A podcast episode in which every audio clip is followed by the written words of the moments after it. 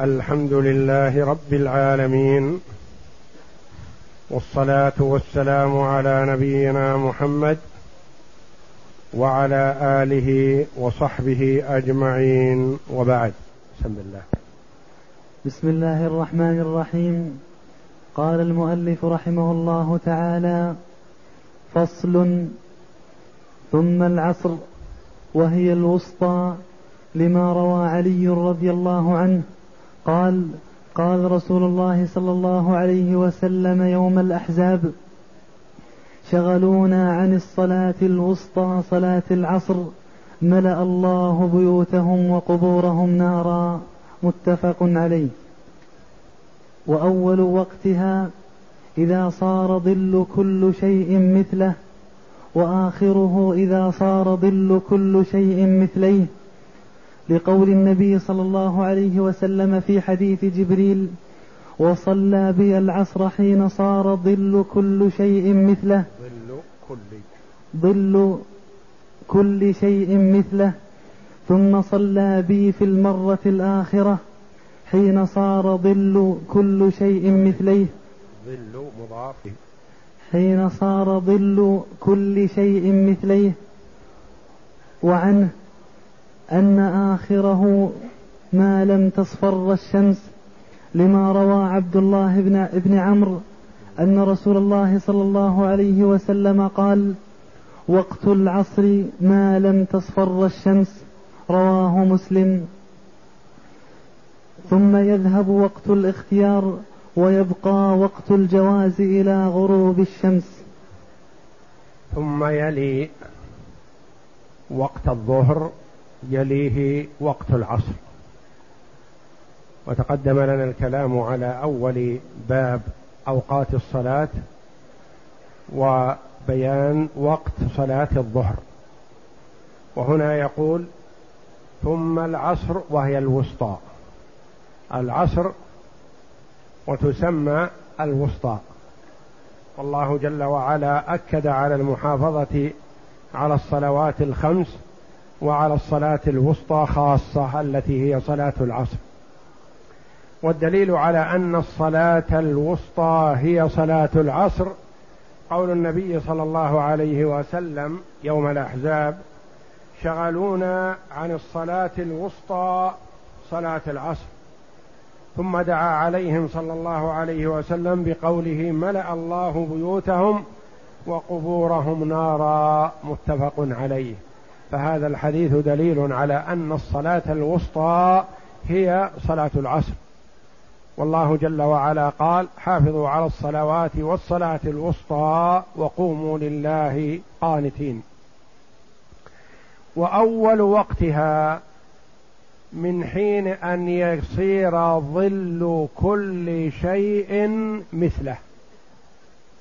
وتقدم لنا أن نهاية وقت صلاة الظهر إذا صار ظل كل شيء مثله.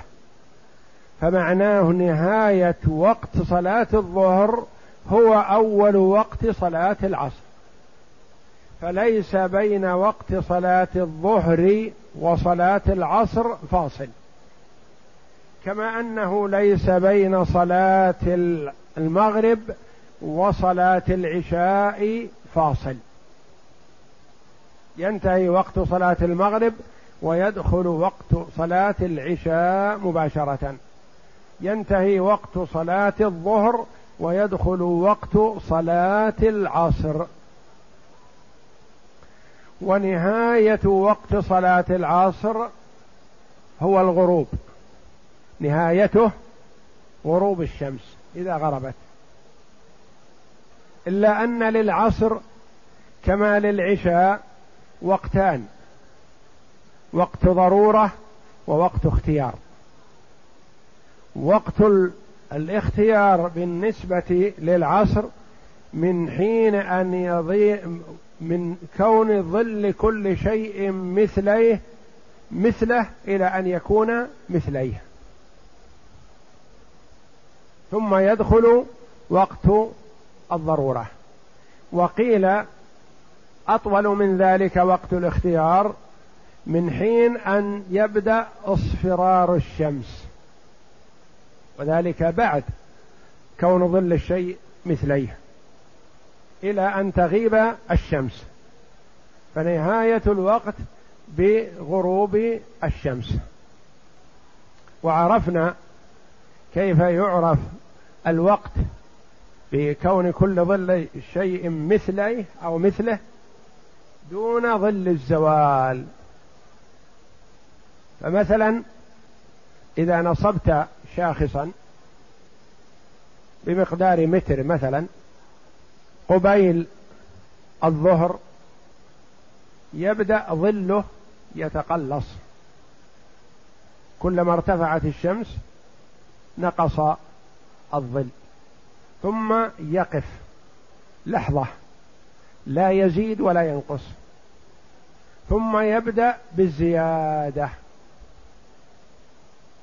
فإذا وقف تلك اللحظة ننظر الظل الموجود فهو المسمى بظل الزوال. قد يكون مثل شراك النعل. يعني عرضه اثنين سنتي أو ثلاثة سنتي. وقد يكون ستة أقدام وسبعة أقدام. هذا الذي يسمى ظل الزوال وهو يختلف باختلاف البلدان مواقع البلدان وباختلاف الأزمنة باختلاف الزمان لأنها كلما ترتفع الشمس فوق يكون ظل الزوال أنقص. وكلما يكون الوقت شتاء وتنزل الشمس يكون ظل الزوال أطول. ثم إذا عرفنا ظل الزوال ومالت الشمس إلى الغروب بدأ الظل يزيد هنا دخل وقت صلاة الظهر. متى ينتهي؟ إذا صار ظل هذا اللوح طوله بعد استخراج ظل الزوال. فإذا صار طوله بطوله حينئذ انتهى وقت صلاة الظهر ودخل وقت صلاة العصر. فإذا صار ظل هذا الشاخص بطوليه انتهى وقت الاختيار بالنسبة للعصر وبدأ وقت الضرورة. وقيل ينتهي وقت الاختيار إذا بدأ اصفرار الشمس يعني تغير لون الشمس. ونهاية الوقت بغروب الشمس. إذا غربت الشمس انتهى وقت العصر ودخل وقت صلاة المغرب. ومن أدرك منها جزءا قبل الغروب فقد أدركها لما روى أبو هريرة رضي الله عنه عن النبي صلى الله عليه وسلم أنه قال من أدرك سجدة من صلاة العصر قبل أن تغرب الشمس فليتم صلاته متفق عليه. بما يدرك الوقت لو أدرك ركعة من صلاة العصر يعني صلى ركعة من صلاة العصر قبل غروب الشمس فقد أدرك الوقت. وفهمنا من هذا أن من أدرك شيئا من وقت الصلاة ولو لم يدرك الصلاة كلها في وقتها فقد أدرك الوقت فتعتبر صلاته أداء لا قضاء إذا كبر لصلاة العصر ثم ركع ركعة ثم غربت الشمس فهل أدرك الوقت أم لم يدركه؟ أدركه وهل تعتبر صلاته قضاء أم أداء؟ تعتبر أداء. نعم. وتعجيلها أفضل بكل حال لقول أبي برزة رضي الله عنه في حديثه كان رسول الله صلى الله عليه وسلم يصلي العصر ثم يرجع أحدنا إلى رحله في أقصى المدينة والشمس حية. متفق عليه. تعجيل صلاة العصر أفضل. وكل الصلوات كما تقدم لنا تعجيلها أفضل ما عدا العشاء فالتأخير أفضل والظهر إذا اشتد حر الشمس. فإذا العصر تعجيلها أفضل.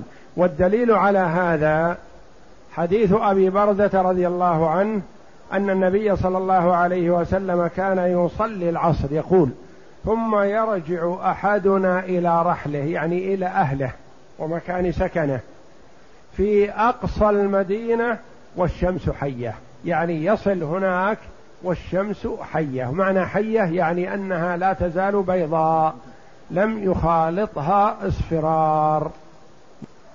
فصل ثم المغرب وهي الوتر وأول وقتها إذا غابت الشمس وآخره إذا غاب الشفق الأحمر لما روى بريدة رضي الله عنه أن النبي صلى الله عليه وسلم أمر بلالا فأقام المغرب حين غابت الشمس ثم صلى المغرب في اليوم الثاني حين غاب الشفق ثم قال وقت صلاتكم بينما رأيتم رواه مسلم وفي حديث عبد الله بن عمرو رضي الله عنه أن النبي صلى الله عليه وسلم قال وقت المغرب ما لم يغب الشفق.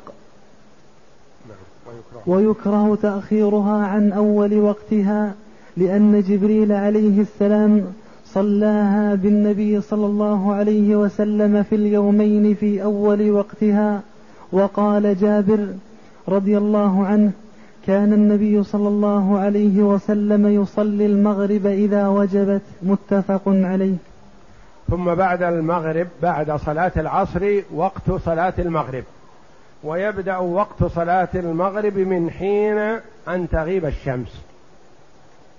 ويستمر إلى غياب الشفق. الشفق الأحمر الذي يكون في جهة المغرب. الذي يكون نتيجة آه، ضوء الشمس على بعد. فيكون الشفق في جهة الغروب أحمر. ثم إذا غاب وانتهى معناه انتهى وقت صلاة المغرب. وصلاة المغرب الأفضل وال مؤكد تعجيلها. ويكره تأخيرها. بخلاف غيرها من الصلوات فلا يكره تأخيرها ما دام في الوقت. وفي وقت الاختيار بالنسبة لما له وقت اختيار ووقت ضرورة. أما المغرب فالأفضل تعجيلها ويكره تأخيرها. لما؟ لأن النبي صلى الله عليه وسلم حينما أمه جبريل أمه في صلاة المغرب اليومين في وقت واحد بعد الغروب مباشرة. دليل على أن الأفضل الصلاة في هذا الوقت ولا ولم يؤخرها صلى الله عليه وسلم إلى الشفق غياب الشفق وإنما بين بالقول صلوات الله وسلامه عليه. أن الوقت يمتد لكن لا ينبغي التأخير إليه إلا من حاجة. فصل ثم العشاء وأول وقتها إذا غاب الشفق الأحمر. وآخره ثلث الليل لما روى بريدة أن النبي صلى الله عليه لما روى بريدة. بريدة. فاعل.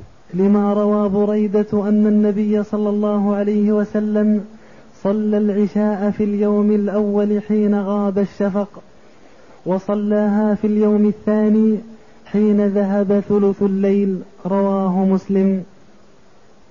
وحديث ابن عباس رضي الله عنه في صلاة جبريل مثله وعن ابن عم وعن ابن عمر رضي الله عنه عن النبي صلى الله عليه وسلم أنه قال الشفق الحمرة فإذا غاب الشفق وجبت الصلاة رواه الدار قطني وعنه آخره نصف الليل لما روى عبد الله بن عمرو رضي الله عنه أن النبي صلى الله عليه وسلم قال وقت العشاء إلى نصف الليل رواه مسلم وأبو داود.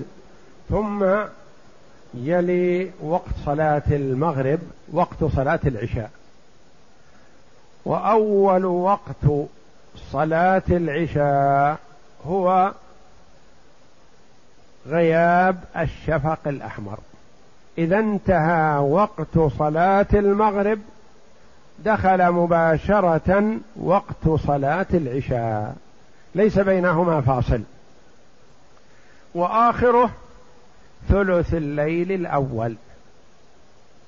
وقيل آخره نصف الليل الأول. ثم يستمر الوقت وقت ضرورة إلى طلوع الفجر الثاني.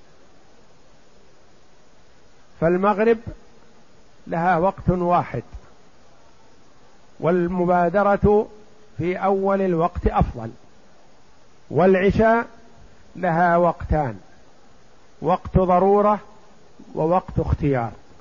وقت الاختيار من غياب الشفق الأحمر إلى ثلث الليل الأول وقيل إلى ثل إلى نصف الليل الأول. ووقت الضرورة إلى طلوع الفجر الثاني. اذا صلاتان من الصلوات الخمس لهما وقت اختيار ووقت ضرورة وهما صلاة العصر وصلاة العشاء. وبقية الصلوات لها وقت واحد والأفضل المبادرة في أول الوقت إلا إذا اشتد الحر في صلاة الظهر فالإبراد أفضل. نعم. والأفضل تأخيرها لقول أبي برزة رضي الله عنه كان النبي صلى الله عليه وسلم يستحب أن يؤخر العشاء متفق عليه. تأخيرها في وقت الاختيار لا وقت الضرورة. وقت الضرورة للضرورة خاصة لمن كان نائم أو نحو ذلك. وأما وقت ال...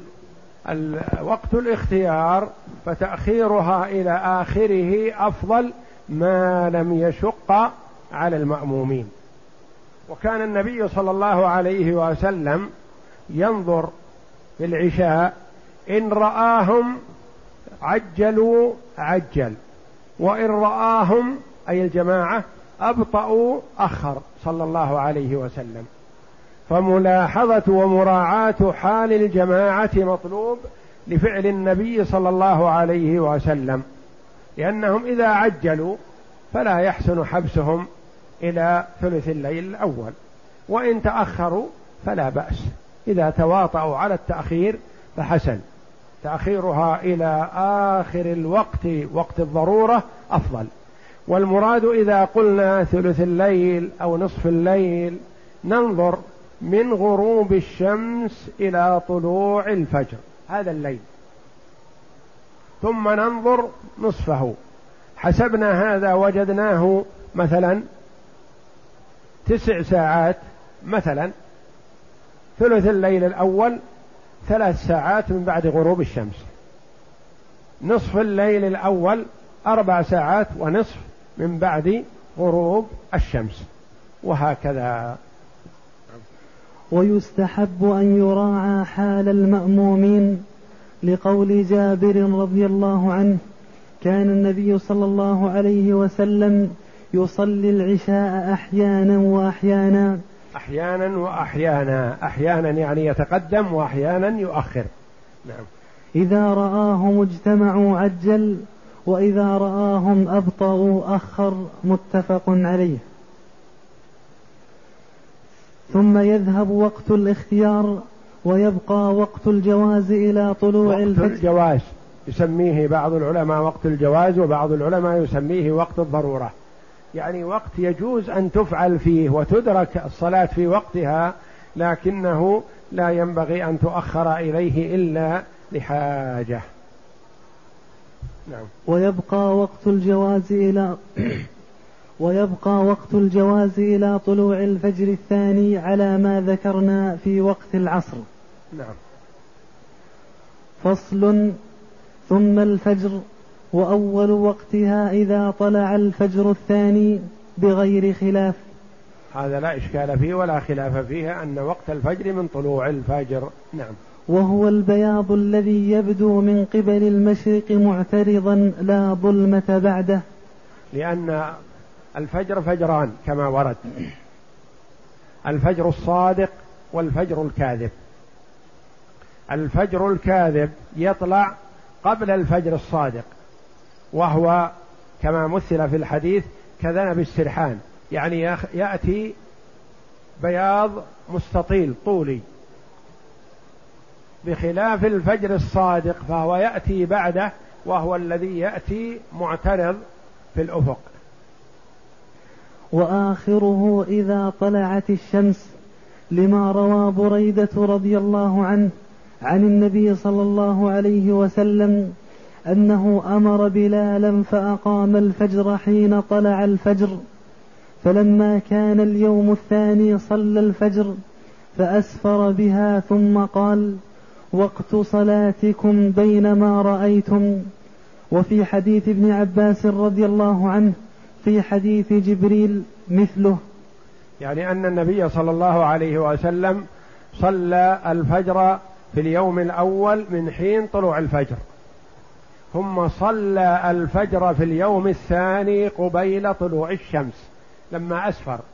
حتى إن الصحابة رضي الله عنهم لما انصرفوا من الصلاة ومن المعلوم أن النبي صلى الله عليه وسلم كان يطيل القراءة. قالوا أطلعت الشمس أم لم تطلع؟ يعني على وشك طلوع الشمس. فنهاية وقت صلاة الفجر بطلوع الشمس. نعم.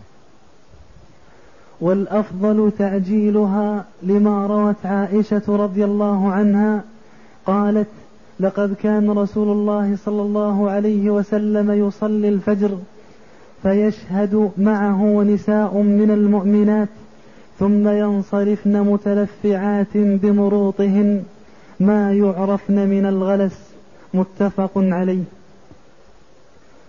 وعن يعني أنهن يخرجن من المسجد مع طول قراءة النبي صلى الله عليه وسلم في القراءة وترتيله عليه الصلاة والسلام ثم يخرجن وهن متلفعات ما يعرفن. يرى الشاخص ولا يدرى من هذه من اختلاط الظلام بالنور. نعم. وعن يراعى حال حال المأمومين فإن أسفروا فالأفضل الإسفار لما ذكرنا في العشاء. يراعى حال المأمومين وينظر في الأوقات مثلا في وقت الصيف مثلا لو أخر لأن الليل يكون قصير. وفي الشتاء لو قدم لأن الليل يكون طويل والنائم قد أخذ ما يحتاجه من النوم. نعم. فصل وتجب الصلاة بأول الوقت لأن الأمر بها يتعلق بأول وقتها والأمر يقتضي الوجوب ولأنه سبب الوجوب فتثبت عقيب فتثبت عقيبة كسائر الأسباب. ويستقر الوجوب بذلك فلو جن بعد دخول جزء من وقت الصلاة أو حاضت المرأة لزمها القضاء لأنه إدراك لأنه أدرك جزء لأنه إدراك جزء تجب به الصلاة فاستقرت به كآخر الوقت. نعم.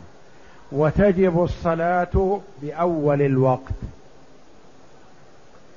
ما معنى هذا الكلام؟ تجب الصلاة بأول الوقت. لا شك إذا قلنا الوقت وقت العصر كذا إلى كذا. فمعناه أنه أي وقت أي جزء من هذا الوقت أدى الصلاة فقد أداها. لكن قوله تجب في أول الوقت له فائدة. فمثلا المرأة طاهرة ليست بحائض ولا نفساء. دخل وقت صلاة العصر. الساعة مثلا ثلاث نصف ظهرا. دخل الوقت. أرادت أن تقوم تصلي فلم تفعل انتظرت حتى صارت أربع إلا ربع بعد ربع ساعة من دخول الوقت. قامت لتصلي فرأت الحيض أنها حاضت. في هذه الحال يكون استقر وجوب صلاة العصر عليها. فإذا طهرت بعد خمسة أيام أو سبعة أيام أو عشرة أيام وجب عليها أن تصليها. لأنه لا يصح أن تصليها وهي حائض وقد استقرت في ذمتها. دخل وقت صلاة العصر ثم لم يقم المرء للصلاة الأمر فيه سعة وقت الاختيار واسع الحمد لله. لكنه بعد دخول الوقت بربع ساعة أو بنصف ساعة أصيب بجنون. واستمر معه الجنون عشرة أيام خمسة عشر يوم أو أكثر أو أقل. ثم أفاق. يجب عليه أن يصلي العصر لأن وقتها دخل وهو مخاطب بها ولم يفعل فعليه أن يقضيها الآن. ومثل ذلك النفساء. دخل عليها وقت صلاة العصر. ثم بعد دخول الوقت بنصف ساعة وهي لم تصلي بعد ولدت. فأصبحت نفساء. فلا يصح لها أن تؤدي الصلاة الآن وقد استقرت في ذمتها. فإذا طهرت بعد شهر أو أربعين يوما أو أقل من ذلك فيجب عليها أن تقضي صلاة العصر التي دخل وقتها وهي طاهرة لم يصبها النفاس نعم. وهل تجب العصر بإدراك جزء من وقت الظهر فيه وجهان أحدهما تجب لأنه, إدرا لأنه أدرك جزءا من وقت إحدى صلاتي الجمع فلزمته الأخرى كإدراك جزء من وقت العصر. والثاني لا تجب لأنه لم يدرك شيئا من وقتها ولا وقت تبعها فأشبه من لم يدرك شيئا بخلاف العصر. فإنها تفعل تبعا للظهر فمدرك فمدرك وقتها مدرك لجزء من وقت من وقت تبع الظهر وهكذا القول في المغرب والعشاء. ومن أدرك تقدم لنا أن المرأة إذا طهرت قبيل المغرب ثم اشتغلت بالاغتسال ثم غربت الشمس. يجب عليها أن تصلي العصر وتصلي الظهر لأنهما يجمعان في وقت واحد وهي أدركت العصر لأنها طهرت قبل الغروب بنصف ساعة أو أقل أو أكثر. فأدركت وقت العصر فتصلي العصر وما يجمع إليها قبلها. هذه مقابلة لها. أدركت وقت صلاة الظهر ثم حاضت. أو ولدت. قلنا يجب عليها أن تصلي الظهر إذا طهرت. هل يجب عليها أن تصلي العصر لأن الظهر تجمع مع العصر؟ روايتان. قيل تصليها لأن الوقتين للصلاتين بمثابة الوقت الواحد. والرواية الثانية ولعلها الأقرب إلى الصواب والله أعلم. أنها لا يلزمها إلا صلاة الظهر التي أدركتها لأن العصر دخل وهي في حال العذر. فهي غير مخاطبة بها ولا مأمورة بها. بخلاف الأولى فهي الظهر تجمع مع العصر ووقتهما واحد فأدركت الوقتين.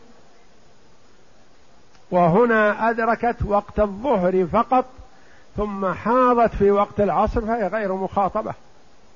وجوب الصلاة القبلية إذا طهرت في آخر وقت الصلاة الثانية آكد. وهو قول لعدد من الصحابة رضي الله عنهم أنها إذا طهرت قبل المغرب تصلي الظهر والعصر. وإذا طهرت قبل الفجر تصلي المغرب والعشاء. بالمقابل إذا حاضت بعد الظهر بربع ساعة مثلا. فقيل تصلي الظهر وتصلي العصر لأنها تجمع معها. والقول الثاني وهو الرواية الثانية أنه ليس عليها إلا الظهر لأن العصر لم يدخل بعد وحين دخوله هي غير مخاطبة بصلاة العصر. نعم. ومن أدرك ركعة من الصلاة قبل خروج الوقت فهو مدرك لها لما روى أبو هريرة رضي الله عنه أن النبي صلى الله عليه وسلم قال من أدرك ركعة من الصلاة فقد أدرك فقد أدرك الصلاة. وفي لفظ إذا أدرك أحدكم سجدة من العصر قبل أن تغرب الشمس فليتم صلاته وإذا أدرك سجدة من صلاة الصبح فليتم صلاته. متفق عليه. يعني أنه إذا أدرك ولو جزء يسير من الوقت دخل في الصلاة أدرك ركعة مثلا من وقت صلاة العصر قبل أن تغرب الشمس فصلاته تعتبر أداء لا قضاء. ومن أدرك ركعة من صلاة العشاء قبل طلوع الفجر فقد أدرك العشاء فصلاته حينئذ أداء لا قضاء. نعم. وفي مدرك أقل من ركعة وجهان أحدهما يكون مدركا لها لأنه إدراك لأنه إدراك جزء من الصلاة. لأنه إدراك جزء من الصلاة فاستوى فيه الركعة وما دونها كإدراك الجماعة. والثاني لا يكون مدركا لها لتخصيصه لتخصيصه الإدراك بالركعة وقياسا على إدراك الجمعة. إذا أدرك أقل من ركعة يعني كبر تكبيرة الإحرام لصلاة العصر وقرأ الفاتحة ثم غربت الشمس هل يعتبر مدركا للوقت أم لا؟ قولان. قال في الرواية الأولى يكون مدرك. لأن إدراك جزء من الوقت ولو يسير يعتبر مدركا للصلاة في وقتها. كمن أدرك شيئا من صلاة الجماعة يعتبر أدرك فضل صلاة الجماعة. الرواية الثانية أنه لا يدرك الوقت إلا بإدراك ركعة كاملة. قالوا هذا قياسا على صلاة الجمعة. فمن أدرك مع الإمام ركعة كاملة من صلاة الجمعة أتمها جمعة. ومن أدرك أقل من ركعة من صلاة الجمعة فإنه يصليها ظهرا لا جمعة أربع ركعات. وهذا سيأتي لكن هنا قاسها. قاس من أدرك أقل من ركعة قال أدرك الوقت لأنه بمثابة إدراك الجماعة. من أدرك أقل من ركعة قال لا يدرك الوقت لأنه بمثابة من فاتته الركعة من صلاة الجمعة فلم يدرك ركعة كاملة فإنه لم يدرك الجمعة. روايتان عن الإمام أحمد رحمه الله. نعم. فصل ويجوز تأخير الصلاة إلى آخر وقتها لأن جبريل عليه السلام صلى بالنبي صلى الله عليه وسلم في اليوم الثاني في آخر الوقت. فإن أخرها عن وقتها لزمه قضاؤها على الفور لقول النبي صلى الله عليه وسلم من نام عن صلاة أو نسيها فليصلها إذا ذكرها متفق عليه. ويجوز تأخير الصلاة إلى آخر وقتها. لأن جبريل عليه السلام صلى بالنبي صلى الله عليه وسلم في اليوم الثاني في آخر الوقت إلا وقت واحد وهو وقت المغرب. كما تقدم لنا أن النبي صلى الله عليه وسلم صلى به جبريل في اليوم الأول وفي اليوم الثاني إذا غربت الشمس. والمراد وقت الاختيار لا وقت الضرورة. فمثلا يجوز أن يؤخر صلاة العصر إلى أن يصير ظل كل شيء مثليه. ويجوز أن يؤخر صلاة الظهر إلى أن يصير ظل كل شيء مثله. ولا كراهة في ذلك بل هذا جائز. وإذا راعى به الإمام حال المأمومين ورغبتهم فلا حرج في هذا. إلا المغرب فيكره تأخيرها إلى آخر وقتها وما عداها يجوز بحسب الأرفق بالمأمومين. نعم. فإن فاتته صلوات يعني قال يجوز ويقابله الأفضلية. لا شك أن صلاة العصر مثلا في أول وقتها كما تقدم لنا أفضل. لكن إذا أخرها إلى آخر وقتها هل يأثم؟ لا. هل يكره؟ لا. يجوز له ذلك. فرق بين الجواز وبين الأفضلية. مثلا صلى الظهر الساعة مثلا 12 ونصف. هذا هو الأفضل ما لم يكن وقت حر شديد. أخر صلاة الظهر مثلا إلى الساعة ثنتين ونصف مثلا. أخرها مع الجماعة وإلا فلا يجوز له أن يؤخر لأجل أن يصلي وحده. ويصليها جماعة يجوز ذلك. نقول لا كراهة ولا تحريم ولا منع من ذلك إلا أن الصلاة في أول الوقت أفضل.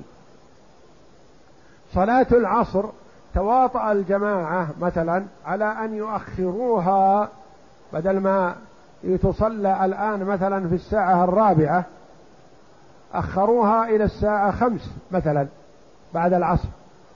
لا بأس بذلك لا كراهة ولا تحريم إلا أن صلاتها في أول الوقت كما تقدم لنا أفضل. ففرق بين الجواز وبين الكراهة وبين الأفضلية. الأفضل مطلقا الصلاة في أول وقتها إلا العشاء. الجواز يجوز أن تؤخر إلى آخر وقتها ما لم يكن ضرورة. يدخل في وقت الضرورة فلا يجوز يكره.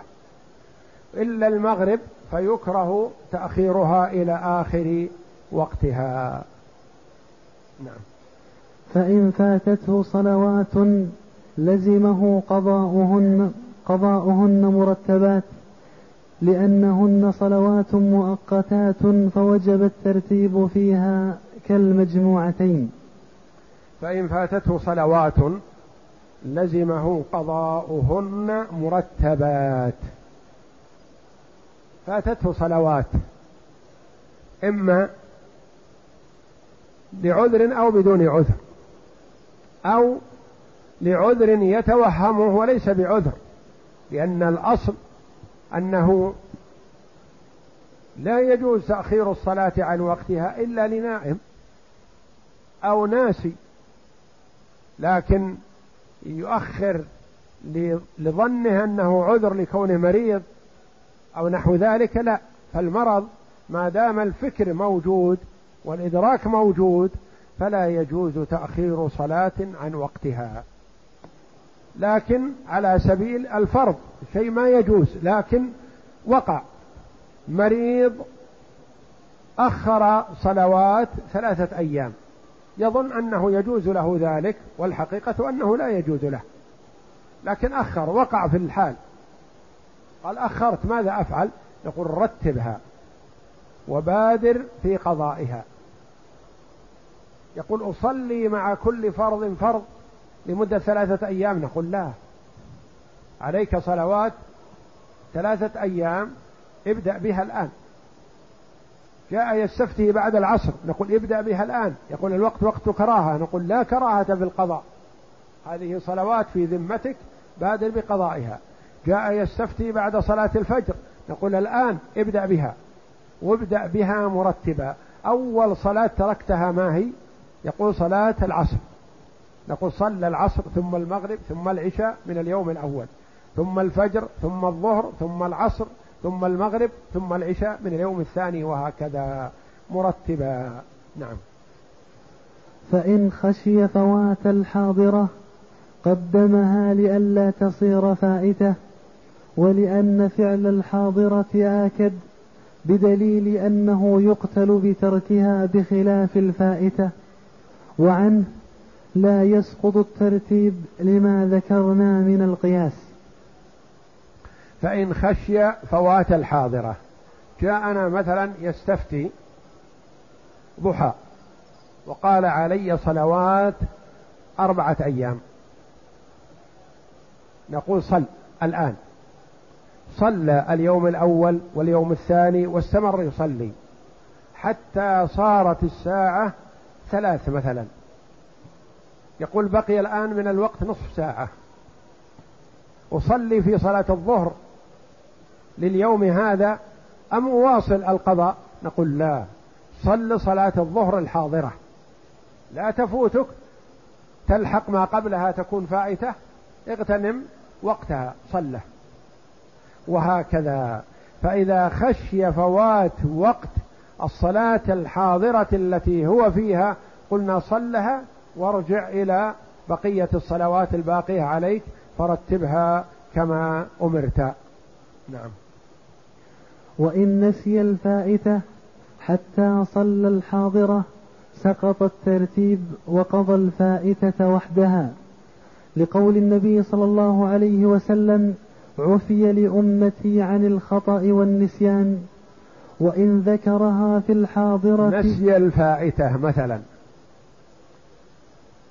نسي الفائتة ولم يذكر إلا بعد ما صلى الحاضرة الصلاة الحاضرة. نقول عليك أن تقضي الفائتة التي فاتتك وصلاتك هذه أديتها في وقتها فلا نقول أعدها. مثلا نسي صلاة الظهر من يوم. ولم يذكر. ودخل وقت صلاة العصر فصلى العصر. فلما صلى العصر وانتهى ذكر أنه لم يصل الظهر. فهل نقول له صل الظهر ثم صل العصر لتكون بعدها؟ أم نقول صليت العصر وأديتها فعليك أن تصلي التي فاتتك؟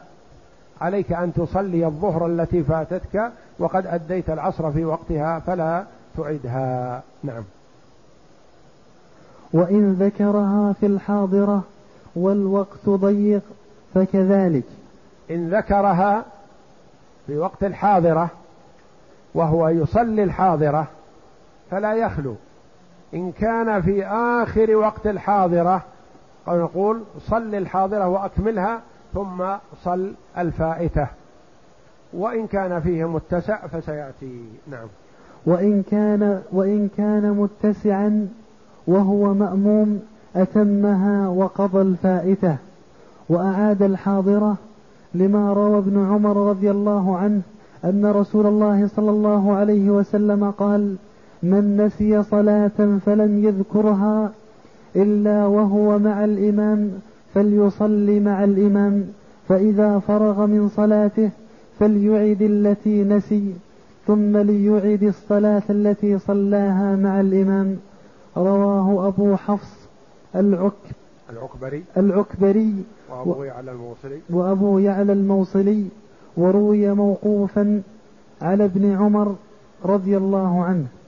هذا أشبه ما يكون بالموقوف ويبعد والله أعلم أن يكون حديثا لأن مثل هذا الكلام لم يأتي على غرار الأحاديث النبوية الصحيحة.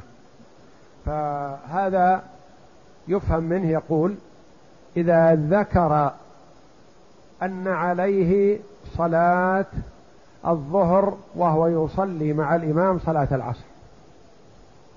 قال في ما أورده المؤلف رحمه الله قال يكمل صلاة العصر مع الإمام. ثم يصلي صلاة الظهر التي فاتت ثم يعيد صلاة العصر هذه لتكون بعد صلاة الظهر التي قضاها. واستدل بهذا الأثر المروي عن ابن عمر رضي الله عنه والصحيح أنه موقوف على ابن عمر رضي الله عنه وأرضاه. والذي يظهر والله أعلم أنه إذا صلى مع الإمام وذكر وهو في الصلاة ثم انصرف من صلاته أو ذكر وهو في الصلاة فإن عليه أن يتم صلاته الحاضرة التي يصلي مع الإمام ثم ليقضي ما فاته. والله جل وعلا لم يأمره بقضاء الصلاة مرتين. وفي المنفرد رواية إحداهما أنه كذلك والأخرى يقطعها وعنه في الإمام أنه ينصرف ويستأنف المأموم. قال نعم. قال أبو بكر لم ينقلها غير حرب. وفي المنفرد روايتان. إذا ذكر وهو يصلي وحده. ذكر وهو يصلي العصر أن عليه صلاة الظهر. قال يتمها. ثم يصلي الظهر. ثم يعيد العصر. والأخرى يقطعها. ثم يصلي الظهر ثم يصلي العصر. والأقرب والله أعلم أن عليه أن يتم الصلاة التي شرع فيها فإذا أنهاها قضى ما عليه ولم يؤمر بأداء الصلاة مرتين. وإن كثرت الفوائد قضاها متتابعة ما لم تشغله عن معيشته أو تضيق أو تضعفه في بدنه حتى يخشى فوات الفوات الحاضرة فيصليها ثم يعود إلى القضاء. وعنه. إذا كثرت الفوائد فلم يمكنه فعلها قبل فوات الحاضرة فله فعل الحاضرة في أول وقتها لعدم الفائت في التأخير مع لزوم الإخلال مع لزوم الإخلال بالترتيب. وإذا كثرت الفوائد قضاها متتابعة. كما تقدم لنا. إذا كان عليه قضاء أربعة أيام خمسة أيام عشرة أيام يقول يجب عليه أن يقضيها متتابعة متواصلة لا يفصل إلا في حالتين إذا قطعته عن معيشته كان ملزم بعمل يحصل من ورائه رزق نفقة نفسه ومن يعول فيفصل بطلب الرزق أو أضعفته في بدنه عجز من كثر الصلوات فيفصل يستريح وإلا الأصل أن يتابع. وقد عرفنا أنه لا يجوز للمسلم أن يؤخر الصلوات وفكره موجود وعقله موجود كما يفعل بعض الناس جهلا في المستشفى. يقول ثيابي غير طاهرة والسرير غير طاهر ولكن أؤخر الصلاة إذا خرجت إلى أهلي وتطهرت صليت أربعة أيام خمسة أيام. نقول لا يا أخي لا يجوز لك ذلك. صل على حسب حالك حسب استطاعتك. تصلي بوضوء الحمد لله. ما تستطيع تيمم. تغسل أثر النجاسة الحمد لله. ما تستطيع ابتعد عنها. ملاصقة النجاسة لبدنك تيمم عنها. ولا تؤخر الصلاة لأنك لا تدري هل تخرج من المستشفى سليما طيبا تصلي في أهلك أو تخرج من المستشفى يصلى عليك ميت. فتكون خاتمتك تركت الصلاة أياما. فالمسلم مخاطب بالصلاة مع وجود العقل. ولا يجوز له التأخير إلا للجمع. يؤخر المغرب مع العشاء لا حرج لأنه مريض. يؤخر الظهر مع العصر لا حرج. يؤخر الفجر إلى ما بعد طلوع الشمس لا يجوز. يؤخر العصر إلى ما بعد الغروب لا يجوز. يقول ما أستطيع أتوضأ نقول تيمم. نقول لا يقول تعذر علي الوضوء والتيمم. نقول صل على حسب حالك. اتقوا الله ما استطعتم. المهم ألا تؤخر الصلاة عن وقتها. لكن هذه التصويرات في حال كون الإنسان أخر بالفعل وجاء يستفتي ماذا نقول له؟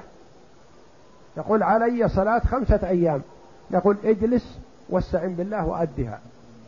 ابدأ من أول وقت تركت الصلاة إلى آخر وقت. فإذا خشيت وقت فوات وقت الحاضرة فصل الحاضرة ثم ابدأ بالقضاء وهكذا نعم فصل ومن نسي صلاة من يوم لا يعلم عينها عينها لزمه خمس صلوات ينوي في كل واحدة أنها المكتوبة ليحصل له تأدية فرضه بيقين. وإن نسي ومن نسي صلاة يوم لا يعلم عينها. تذكر بأنه ترك صلاة. لا يدري أهي الفجر أم الظهر أم العصر أم المغرب أم العشاء. في باله وذكره أنه نسي صلاة لكن ما يدري ما هي. كيف يؤديها يبني ذمته؟ نقول صل يا أخي الصلوات الخمس كلها. من أجل أنك إن كنت تركت الفجر فقد صليتها تركت الظهر فقد صليتها تركت العشاء قد صليتها وهكذا. فعليه أن يصلي خمس صلوات حتى يتيقن أنه أبرأ ذمته بيقين. نعم. وإن نسي ظهرا وعصرا من يومين لا يدري أيتهما الأولى لزمه ثلاث صلوات. ظهرا ثم عصر ثم ظهر. لا ظهر ظهر نعم. لزمه ثلاث صلوات ظهر ثم عصر ثم ظهر أو عصر ثم ظهر ثم عصر ليحصل له ترتيبها بيقين. صورة هذا يقول نسي الظهر من يوم ونسي العصر من يوم. أيها الأولى يا أخي يقول ما أدري نسيت. أنا متيقن أن علي صلاة ظهر من يوم وصلاة عصر من يوم لكن لا أدري أيهما الأولى. عند من يقول يلزمك الترتيب يقول عليك ثلاث صلوات ما دام نسيت وحده اثنتين عليك ثلاث. صل الظهر ثم العصر ثم الظهر. في هذه الحال تكون صليت ما عليك بيقين. لما؟ أقول ثلاث صلوات من أجل أن يقع في الترتيب. إن كان ترك الظهر أولا ثم العصر فقد صلى كذا. وإن كان ترك العصر أولا من اليوم الأول ثم الظهر من اليوم الثاني فقد صلى كذا. هذا هو الذي درج عليه المؤلف رحمه الله. ويجوز له أن يصلي ما يعلم أنه في ذمته صلاة الظهر فقط وصلاة العصر فقط ولا يلزمه والله أعلم غيرها. نعم. فصل ومن شك في دخول الوقت لم يصل حتى يتيقن أو يغلب أو يغلب على ظنه ذلك بدليل فإن أخبره ثقة عن علم عمل به وإن أخبره عن اجتهاد لم يقلده واجتهد حتى يغلب حتى يغلب على ظنه دخوله. وإن صلى فبان أنه وافق الوقت أو بعده أجزأه لأنه صلى بعد الوجوب. وإن وافق قبله لم يجزئه لأنه صلى قبل الوجوب. صورة ذلك. عمي عليه الوقت. يريد أن يصلي الظهر مثلا. وهو في مكان لم يرى الشمس ولا يدري دخل الوقت أو لا دخل أو ما دخل مثلا. فجاءه شخص فسأله قال هل دخل وقت صلاة الظهر؟ قال نعم. هنا يصلي ولا حرج عليه لأن هذا أخبره بيقين. والأمور الشرعية إذا أخبرك بها ثقة أخذت بها. مثل رؤية الهلال في هلال رمضان إذا أخبر ثقة بأنه رأى هلال رمضان صمنا وإذا سألته قلت له هل دخل وقت صلاة الظهر؟ قال الظاهر أنه دخل. الوقت قريب. ونحو ذلك فلا يجوز لك أن تقلده. بل عليك أن تجتهد أنت حتى يغلب على ظنك أنه دخل وقت صلاة الظهر. فغلب على ظنك أنه دخل وقت صلاة الظهر فصليت. صليت الظهر. نظرت إلى الساعة وجدت أن الساعة مثلا 12 وربع. وصليت. وأنت لا تدري كأنك في بلاد غريبة. فبعد يوم أو يومين سألت. فقيل لك يدخل وقت صلاة الظهر الساعة 12 تقول الحمد لله أنا صليت الساعة 12 وربع بعد دخول الوقت. فليس عليك شيء.